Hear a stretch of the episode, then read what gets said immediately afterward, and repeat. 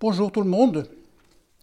Donc on va aborder aujourd'hui la quatrième noble vérité, le noble octuple sentier. Voilà.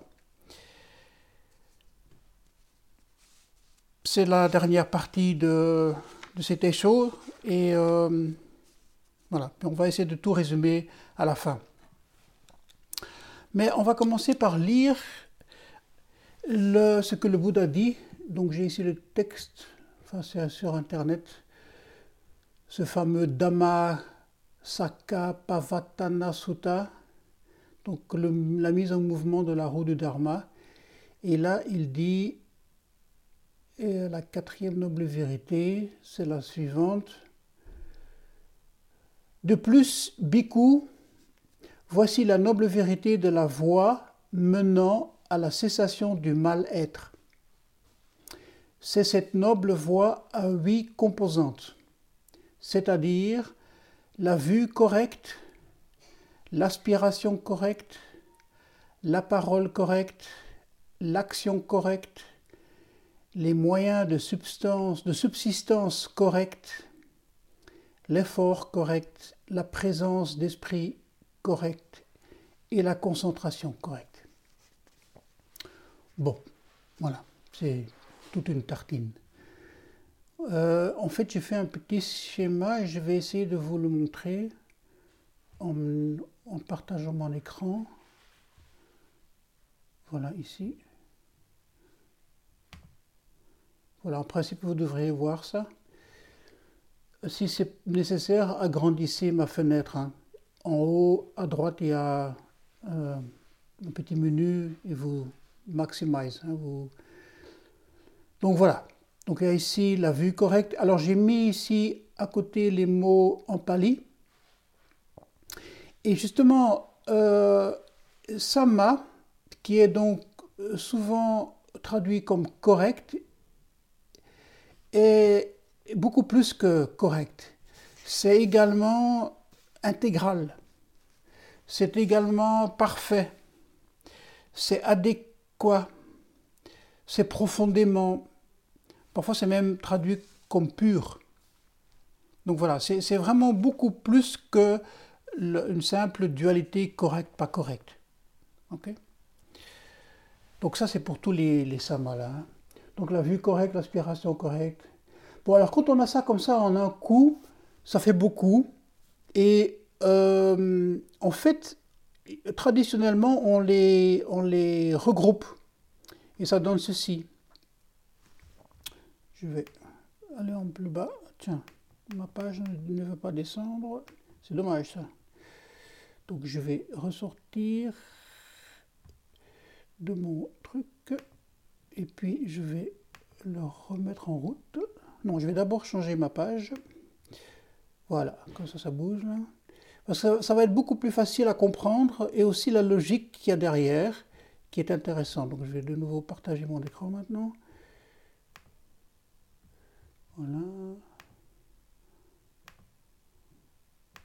Voilà. Donc comme vous pouvez voir, il y a trois groupes. Donc il y a tout ce qui touche à la sagesse. Ce sont les deux premiers. La vue correcte, l'aspiration correcte. On va voir tout de suite le contenu de chaque, euh, aspect, de chaque aspect. Mais ça, ça se regroupe sous tout ce qui est sagesse. C'est le point de départ en, fait. Ici, c'est tout ce qui est de, l'aspect moral de notre comportement, de ce que l'on dit, de ce que l'on fait et la façon dont on vit, hein, la façon dont on a du revenu. Ici, les moyens de subsistance. Et la le, troisième regroupement, c'est tout ce qui touche à la méditation, en fait, à la concentration, au samadhi. Donc c'est l'effort, l'attention et le samadhi. Voilà, peut-être que cette façon de faire, en tout cas pour moi, est, plus... Enfin, on, voit tout de suite un petit peu la logique qu'il y a entre les, entre les éléments. Ce qui est vraiment important à, à bien comprendre, c'est que... Je vais arrêter ma... Voilà. Ce qui est très important à bien comprendre, c'est que ce n'est pas un aspect, un aspect après l'autre qu'il faut vraiment pratiquer. C'est quand on pratique sur l'une, en fait, on englobe les autres en même temps. C'est pour cela, et je vais vous montrer une autre image, que c'est souvent représenté, enfin traditionnellement, c'est représenté comme une roue, avec huit rayons. Donc je vais de nouveau faire euh, un truc d'écran Alors, ouais, je vais mettre tout l'écran là une fois. Tac. Bon, ça fait un peu bizarre. Mais ici, voilà. Vous voyez? Ça, c'est vraiment l'octuple sentier. Donc c'est trou avec un, le vide au milieu et les huit euh, rayons. Et alors cette image ici qui est, qui est, qui est faite en fait au temple euh, tibétain de, de Huy, ici en Belgique, représente vraiment euh, traditionnellement ce qu'était le Bouddha. en fait, on voit ici deux, deux gazelles qui regardent ces trous. Et ça, ça vient du fait que le Bouddha a, a fait son, ce premier sermon au parc des gazelles à Bénarès. Et voilà. Et donc pendant des siècles, cette image, cette façon de représenter était vraiment le dharma de Bouddha. Représentait le dharma de Bouddha et on, on représentait le Bouddha de cette façon. Ce n'est que beaucoup, beaucoup, beaucoup plus tard, euh, chronologiquement, c'est plus ou moins au début de notre de la, de, l'année euh, zéro, hein, de notre façon de compter les années, que petit à petit, les, artistes ont commencé à faire des, statues de Bouddha. Donc ça c'est intéressant à voir et c'est un, symbole universel. Mais en fait, ce que je voulais dire aussi, c'est que c'est vraiment un système dynamique.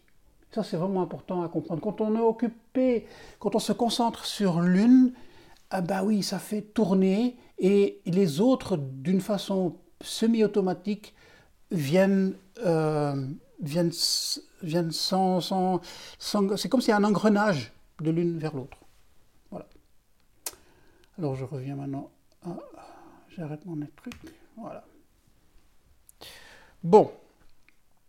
Alors, ce qui est intéressant à voir aussi, c'est que, en fait, c'est relativement simple à comprendre ce que dit Bouddha dans, ce noble octuple sentier.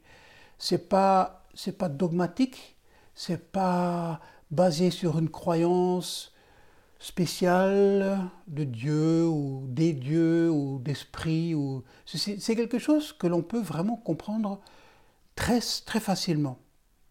Et d'ailleurs, quand il a fait ce, premier sermon, euh, c'est écrit dans les, dans les sutras que les cinq auditeurs qu'il avait, là, enfin c'était des anciens amis, ces anciens ascètes, ont eu l'éveil subitement. Voilà. Donc euh, on peut comprendre la, chose. Bon là peut-être quand moi quand je le lis peut-être que personne ne s'éveille, mais bon c'est autre chose. Euh, voilà donc c'est ça qui est intéressant, c'est que c'est très basique. Voilà. Et ça, ça, me plaît bien. Bon, alors, commençons. Je vais vous expliquer euh, la façon traditionnelle dont les huit aspects sont euh, décrits. Donc, on va commencer avec la vue correcte. Alors, c'est reconnaître ce qui est bénéfique et ce qui est malsain. Voilà. Par exemple, un comportement immoral est malsain. Donc, voir ça, le comprendre. Et c'est important de s'en rendre compte. Euh, un autre aspect de la vue correcte, c'est aussi connaître les quatre nobles vérités. Ce qui est aussi euh, compris traditionnellement sous la vue correcte, c'est comprendre le système, enfin système, la coproduction conditionnée.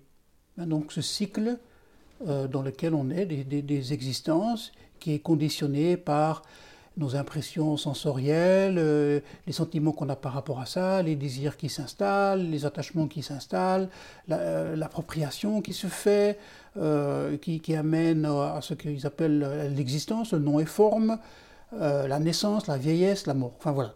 Donc tout ce, tout ce cycle, donc le voir, le comprendre, ça c'est traditionnellement ce qui est compris sous vue correcte. Le deuxième, l'aspiration correcte. En fait, c'est, changer de direction. Donc, changer la direction de notre esprit. Quand on a vu les quatre nobles vérités, je vais dire vu, ça veut dire qu'on les a entendues, qu'on les a comprises. on change son comportement. Il y, a, cette fameuse phrase de Bouddha qui, beaucoup, beaucoup, beaucoup dans, différents sutras, où il dit euh, Ce à quoi l'homme ou le moine pense continuellement, bah, c'est dans cette direction que son esprit va s'incliner. ça c'est une phrase que, que, j'aime beaucoup parce qu'on se reconnaît très fort, nous tous, je pense, là-dedans, et que j'ai d'ailleurs utilisé dans, dans mon, installation euh, sur la nuit. Voilà. Et les gens, quand on se reconnaissaient, ils lisaient la phrase, ils disaient Ah ben oui, bien sûr. Donc aussi longtemps qu'on est dans la même logique de pensée, bah, de plus en plus, c'est une inclination que l'esprit va prendre, euh, un pli que l'esprit va prendre de plus en plus. Alors justement, l'aspiration correcte, c'est quitter ça et prendre une autre direction, la direction de la voie, la direction de la voie du Bouddha. Et ça, c'est parce que quelque part, on a compris euh, le système des quatre nobles vérités, le système de, de, dukkha, de ce qui nous amène à la souffrance, la raison pour laquelle il y a, y a ce dukkha, euh, les moyens de s'en sortir, que l'on voit aujourd'hui. Alors, le troisième, qui est donc là maintenant, ça c'est euh, tout ce qui touche à la morale, l'éthique, même si on n'aime pas beaucoup entendre ce mot, mais bon, c'est comme ça. Alors, la parole correcte, qu'est-ce que cela veut dire pour le Bouddha? C'est ne pas mentir, ne pas injurier, ne pas médire, ne pas faire du bavardage pour rien. Ça, je trouve que c'est intéressant. Euh, dans notre sangha, il y a d'ailleurs, il y aurait tout un travail à faire par rapport à ça d'ailleurs. Euh, dans nos séchines, euh, au dojo, c'est parfois quand on voit comment les gens se perdent dans des bavardages euh, futiles, inutiles, euh, et qui absorbent et qui demandent beaucoup d'énergie, c'est vraiment c'est intéressant une fois de se concentrer là-dessus. Euh, et, l'énergie que ça demande, la lourdeur que ça implique. parler avec des mots, hein, l'air, etc c'est pas innocent. C'est voilà, il y, a quand même quelque chose qui se, qui se passe à ce niveau-là. Mais très souvent, on, on, se dit ouais, c'est pas grave. On parle, on parle, on parle, et puis voilà. Bon. Alors, sous la parole correcte est également compris ne pas semer la discorde, mais plutôt réconcilier. Voilà. Alors le quatrième, l'action correcte. Bah, c'est simple, pour le Bouddha c'était très simple, ne pas tuer, ne pas voler, ne pas s'intoxiquer avec des drogues et des stupéfiants, et ne pas avoir un mal comportement sexuel. Pour lui et pour ses moines, c'était vraiment abstinence complète de contact sexuel. Pour ses disciples laïcs, c'était ne pas avoir un mauvais comportement avec les, les gens avec lesquels il vivait, d'être correct par rapport à ses, son, ses partenaires, ses, son compagnon. Voilà. Le cinquième, moyen de subsistance correct. Donc c'est nos moyens avec lesquels ben, on, se fait de l'argent pour pouvoir vivre. Donc pour le Bouddha, cela voulait dire ne pas faire le commerce d'armes, de viande, d'animaux et même d'êtres humains à l'époque, hein, les, esclaves, c'était chose courante. Ne pas faire de commerce de stupéfiants. Ne pas s'adonner à l'escroquerie. Ne pas s'adonner aux flatteries. Euh, alors oui, ici ça devient même parfois assez humoristique. Ne pas s'adonner ou faire de commerce avec les arts magiques, l'astrologie, la voyance, les prévisions météo. c'est marqué comme ça. voilà, donc Madame Soleil aujourd'hui, euh, elle aurait difficile. Mais il faut voir ça dans le contexte de l'époque, bien sûr. Hein. Euh, voilà. Donc tout ça, c'est avoir des moyens de substance corrects. Sixième, l'effort. Alors on arrive maintenant aux trois derniers qui sont là pour, dans le contexte du, de la concentration, de la méditation. Alors, un, c'est l'effort correct. Donc, le, ça, c'est le sixième. L'effort correct, ça veut dire empêcher l'apparition de mauvais états d'esprit. Pour, le Bouddha, renoncer aux, états, aux mauvais états d'esprit qui sont apparus. Donc, ça, parfois, ça apparaît. Et essayer le plus vite possible de lâcher prise par rapport à ça. Troisième, faire apparaître des, états d'esprit salutaires, des bons états d'esprit. Et le quatrième, hein, c'est vraiment la logique même, cultiver cela, cultiver des, bons états d'esprit, des états d'esprit sains. Voilà. Ça, c'est l'effort correct. Le septième, euh, qui est donc traduit ici dans notre sutra euh, comme étant la présence d'esprit correcte, ça veut dire en fait l'attention. Mais j'aime bien cette terminologie, la présence d'esprit. Il y a surtout le mot présence, qui, est quand même quelque chose de physique. Tandis qu'attention, c'est un peu plus abstrait. Et ça, c'est quelque chose que le Bouddha a beaucoup, beaucoup, beaucoup euh, enseigné. Il y a plein, plein, plein de sutras par rapport à comment s'observer soi-même, comment observer son propre corps, comment observer ses états d'âme, ses émotions, ses états d'esprit? Euh, je vous en dis quelques-uns là, qui sont parmi les plus célèbres, c'est le fameux Satipatthana Sutta, en plusieurs versions. Hein. Il y en a un euh, qui est le plus court, il y a le grand, le Maha Satipatthana Sutta. Euh, en, français, on dirait le discours de l'attention vigilante, où il explique vraiment très minutieusement comment il faut analyser son propre corps, Hein, vraiment juste que ça devient même très biologique chez lui. Euh, ça va sur comment, euh, comment on est constitué, euh, les, les, os, la peau, tous les, les, fluides que l'on a dans le corps, etc. Ça, devient vraiment. voilà. Donc il, mettait beaucoup d'attention là-dessus.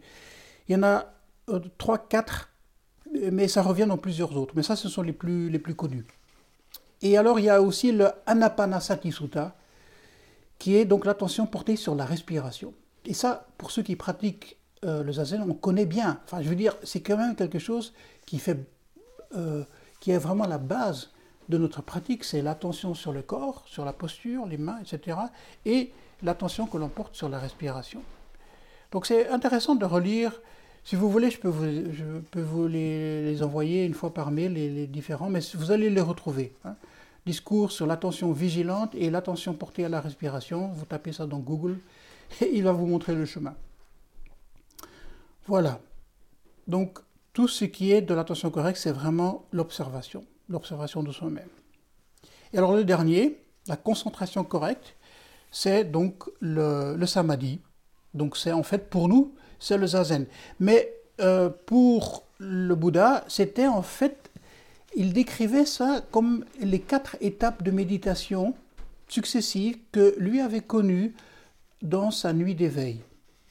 Alors, je peux les, lire, mais ce n'est pas vraiment notre façon de, zen, je veux dire, de concevoir les choses, quoique on peut euh, reconnaître certains aspects.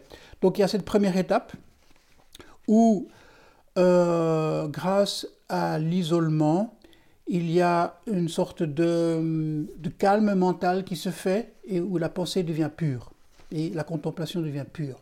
Ça, c'est la première étape. La deuxième étape, c'est euh, on, quitte un peu la réflexion et la contemplation et on arrive à la joie intérieure et à ce que le Bouddha appelle l'unicité de l'esprit, donc la concentration de l'esprit.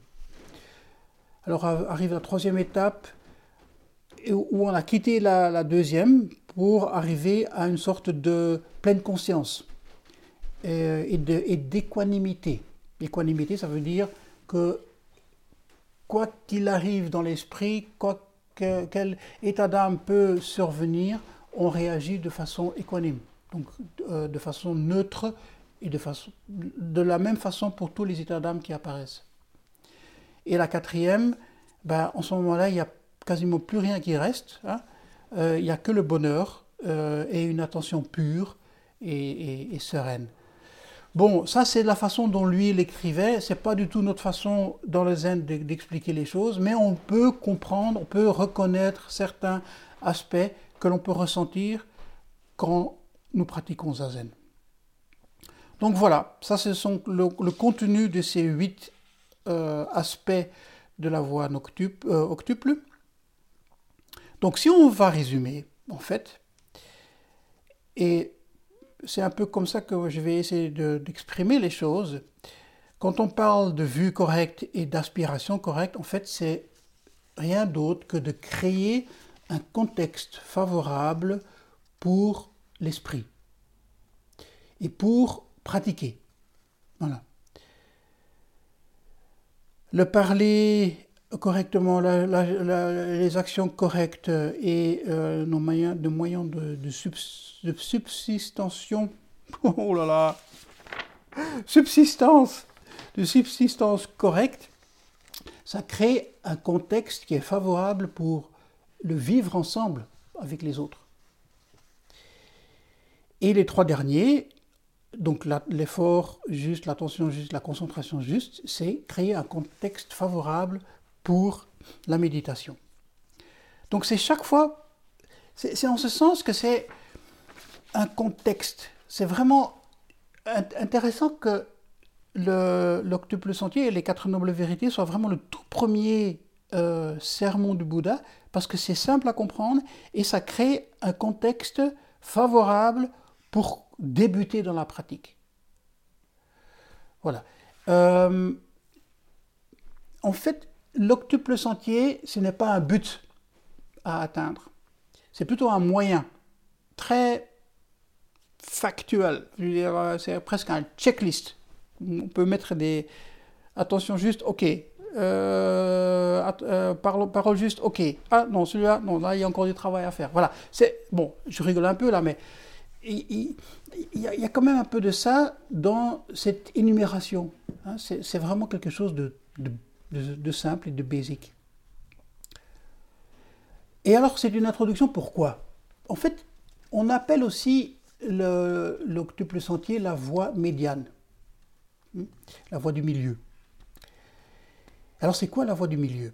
Ça, c'est quelque chose qui est déjà un peu plus compliqué, oh, c'est c'est pas le bon mot, mais qui, ça demande déjà un peu plus de, discernement et de, sagesse. Bon, je vais essayer de, vous l'expliquer. La voie du milieu. Pour le Bouddha, c'était renoncer aux extrêmes. Quels extrêmes? D'un côté, tout ce qui touche au plaisir des sens, d'un côté, et tout ce qui touche à un ascétisme rigoureux. Lui avait connu les deux. Hein, vous connaissez l'histoire, au début de sa vie, il, avait tout ce qu'il avait besoin. Hein, il avait on parle d'un palais, mais bon, soi-disant, il avait, que ce soit un palais ou, vraiment euh, une bonne demeure, c'est pas vraiment ça l'important, mais il avait vraiment matériellement tout ce qu'il avait besoin d'avoir. euh, et il a quitté ça parce qu'il voulait trouver la solution de dukkha, hein, de, cette insatisfaction existentielle. Et il s'est adonné à des, expériences très rigoureuses au niveau de l'ascétisme. Voilà. Et ça non plus, ça ne l'a pas aidé pour trouver la solution. Donc c'est ni l'un ni l'autre. Alors quand on entend ça, maintenant, aujourd'hui, on se dit, Enfin, il y a des images comme ça qui apparaissent. Hein. Ah oui, ça donnait au plaisir euh, des sens, etc. On s'imagine des trucs, euh, des orgies euh, de plaisir, comme il y avait chez les Romains, par exemple. Là, on a vu des films là-dessus, donc on se dit, ça, doit être ça. Mais moi, je ne fais pas ça. Non, c'est pas. Il faut vraiment voir ça au niveau de sa propre vie. Hein, par exemple, on, connaît tous la logique de la récompense on se, dit, ok, j'ai un effort à faire, ok, je vais le faire, mais on se met déjà une récompense au bout du chemin, hein, un bonbon. Voilà. Et alors on fait l'effort et hop, on attrape le bonbon. Voilà. Donc ça, c'est déjà cette vue extrême que le Bouddha veut dire. Hein. Essayons de faire les choses sans qu'il y, ait ce bonbon à la fin du, du chemin. Alors, dans l'autre sens, l'ascétisme extrême, ah, c'est pas nécessaire de se, de se pendre une pierre à la langue pour, pour, euh, pour euh, ce qui se passe parfois. Hein. il y a des ascètes qui font ce genre de pratique. Hein. mais à chaque fois que l'on va prôner une vérité radicale et se dire oui, maintenant je quitte, euh, je quitte la réalité, je quitte le monde, je vais couper mes illusions, je vais de façon abrupte comme ça, on est dans une, dans une logique extrême. On n'est plus dans la voie du milieu. Et ça, c'est important à, comprendre dans sa propre vie. Parce que très vite, ça apparaît. Très vite, ça apparaît, cette façon de, de, de, voir les choses. Quand on, à chaque fois qu'on va prôner une vérité, par exemple du style euh, Ah bon, j'ai toujours été comme ça, c'est pas maintenant que ça va changer. Ben là, on est déjà reparti dans un truc qui est figé. Là où on va figer les choses, on, est dans une vue extrême. On, a quitté la voie médiane. Donc chaque fois qu'on va renfermer notre réalité ou la réalité du monde dans un concept, dans une idée, dans, dans quelque chose qui est fermé, il y a déjà une vue extrême qui s'installe. Voilà. Alors la voie du milieu, ça a aussi été reformulé plus tard par Nagarjuna. Alors je ne vais pas rentrer dans tous les détails de Nagarjuna parce que ça demanderait... Euh, c'est assez compliqué d'ailleurs, je trouve. Euh, mais ce qui est intéressant, c'est que c'est un moine, un moine indien du deuxième, il a vécu au deuxième et troisième siècle de notre ère. Mais il a reformulé la voie du milieu en termes de vacuité, où il, où il dit, de façon même très logique, très, très philosophique, il, déconstruit en fait les discours de ses, adversaires, où il démontre clairement qu'aucun phénomène n'a une existence figée justement en soi-même, mais que tout est interdépendant, que, que c'est vraiment la coproduction conditionnée que le Bouddha a expliqué, que lui reformule à sa façon. Et c'est vraiment ça l'enseignement de l'Anya Shinyo. Donc Nagarjuna, c'est vraiment le, grand véhicule, le Mahayana, dont nous faisons partie, et où en effet la, sagesse euh, de la vacuité de, chaque chose est importante à, à, à approfondir. Voilà. Donc aucun phénomène n'a ne possède une essence éternelle et fixe. Et pour lui, c'était aussi la voie du milieu parce qu'il critiquait d'un côté ce qui à l'époque était appelé l'éternalisme, hein, donc quelque chose, tout est euh, à, une sorte de consistance éternelle en soi, une sorte d'âme ou une sorte d'essence, ou alors l'autre opposé, l'autre extrême, c'est le nihilisme, Rien n'existe, rien ne, survit, par exemple, après la mort. Euh, voilà, donc, donc sa façon de voir de Nagarjuna, c'est vraiment la voie du milieu, encore une fois, entre ces deux extrêmes. Entre le tout est là et rien n'est là. Voilà. Alors je voudrais terminer euh, en faisant un appel à la, à la sagesse, en fait, parce que pratiquer la voie du Bouddha, c'est pas simple. Ça, je pense que vous devez le savoir ou le, déjà l'avoir ressenti. Parce que justement, euh, essayer de complètement se défaire de dukkha dans cette existence-ci, c'est peut-être chose impossible à faire complètement. Et que c'est peut-être pas ça non plus le but encore une fois, l'octuple sentier n'est pas le but, mais c'est le moyen. Et donc on est en fait plutôt dans un processus de pratique, donc quelque chose qui est toujours en mouvement. D'ailleurs, cette roue de Dharma, c'est pas un hasard que c'est une roue, ça tourne. Hein. donc euh, traditionnellement, on dit aussi que ce premier sermon a mis en, en mouvement la roue du Dharma. Voilà. Donc par rapport à nous, à nous maintenant, euh, ce qui est important à bien comprendre, il me semble, pour ne pas s'illusionner encore une fois, c'est de justement de se dire tous les discours que l'on peut se tenir à soi-même dans le sens ah oui, il faut vraiment que je pratique pour me couper de toutes les illusions que j'ai. Donc on pratique et on, observe qu'on a l'esprit, la conscience plein d'illusions et que ça la fait souffrir bien sûr. Et on s'est dit ok, maintenant on va y aller, on va faire zazen et on va balayer tout ça dehors. Ça, ça, doit être fini. Avoir cette attitude-là est de nouveau une attitude extrême. C'est pas réaliste. Donc, ce qu'il faut faire plutôt, à mon sens, c'est apprendre à vivre avec dukkha. Et au lieu de vouloir vraiment éliminer complètement euh, ce mal-être, plutôt vivre de façon saine avec le mal-être. Et c'est peut-être ça, le, au, fond, peut-être que c'est ça le bonheur. Hein, et, retrouver le calme et le repos de l'esprit, c'est justement de pouvoir intégrer ce mal-être euh, complètement en soi et vivre avec. Voilà. Ça, c'est important, il me semble. Euh, maintenant, c'est pas bon non plus de tomber dans l'autre extrême qui dirait Oh, bah, si c'est comme ça, ouais, ben oui, ben, j'ai mes illusions, et ben voilà, tant pis, euh, je, laisse faire les choses, je baisse les bras, voilà, il y a une sorte de fatalisme. C'est pas ça non plus, la pratique.